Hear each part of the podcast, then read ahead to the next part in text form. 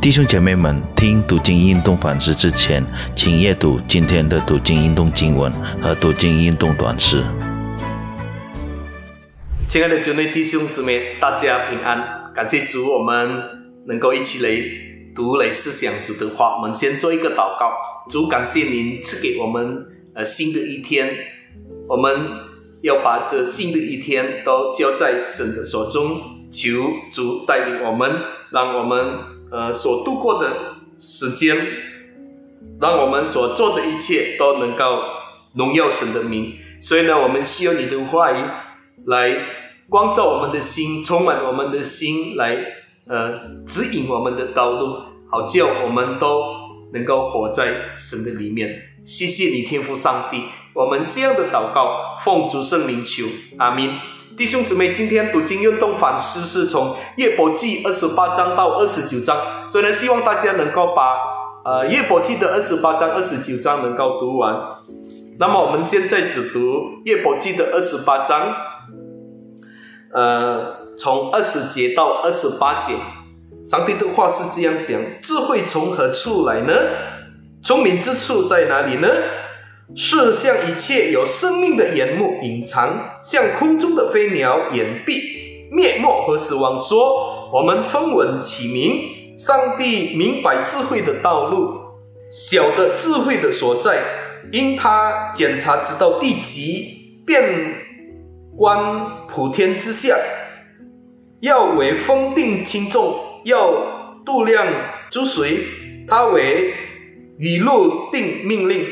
为雷电定道路，那时他看见智慧，而且诉说：“我坚定并且查究。”他对人说：“敬畏主是就是智慧，远离恶便是聪明。”读经直到为止，弟兄姊妹，今天呢，我们要思想一个题目：上帝是智慧的源头。上帝是智慧的源头。那么从约伯记二十八章、二十九章，约伯告诉了我们，或者他描写了拥有了经验和知识的人的伟大之处。因此呢，他们就可以做很多很多的事情。在二十八章，呃，第一到十一节的记载，经历是人宝贵的记忆和思想，而知识。是许多人宝贵的记忆和思想。那么，如果记忆、呃知识和经验把它加工起来，就能够称为什么呢？非凡的作品，对不对？那问题是，根据他们的经验和知识，人类只能。知道过去的事，而不能知道也未来。人类只能预测未来，但是不能定断未来怎样。因此呢，只经查过去的知识和经验，并不是拥有的。例如，所有。呃，所有可用的经验和知识无法克服新冠肺炎大流行的问题，因此呢，它流行带来非常大的负面影响。月伯解释说，智慧比珍珠更有价格。约伯记二十八章的十八节，智慧就是我们如何的恰当使用经验和知识，以便面对未来永远拥有。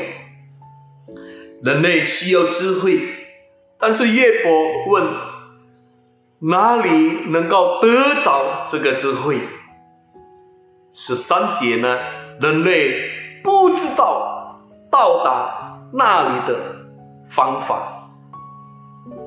然而呢，约伯说：“上帝晓得。”在二十三节，或者上帝知道，上帝是全知的，上帝是无所不知的，上帝什么都知道，他可以看到地极，甚至他不仅现在知道，他还是知道将来要发生的事情，甚至呢，上帝还是能够计划将要发生的事情。那么。约伯记二十八章二十八节告诉我们，智慧是什么呢？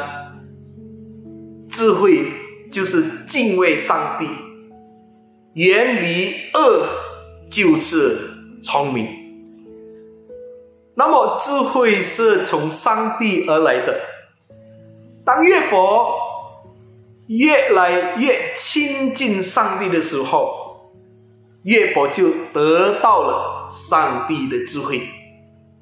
以致有需要帮助的人来探望月伯的时候，因为月伯他晓得或者他知道智慧的重要性，那么他对自己的困难的原因、无知并没有使用根据自己的经验和知识自行解释，而是他。仍然等候上帝的答案。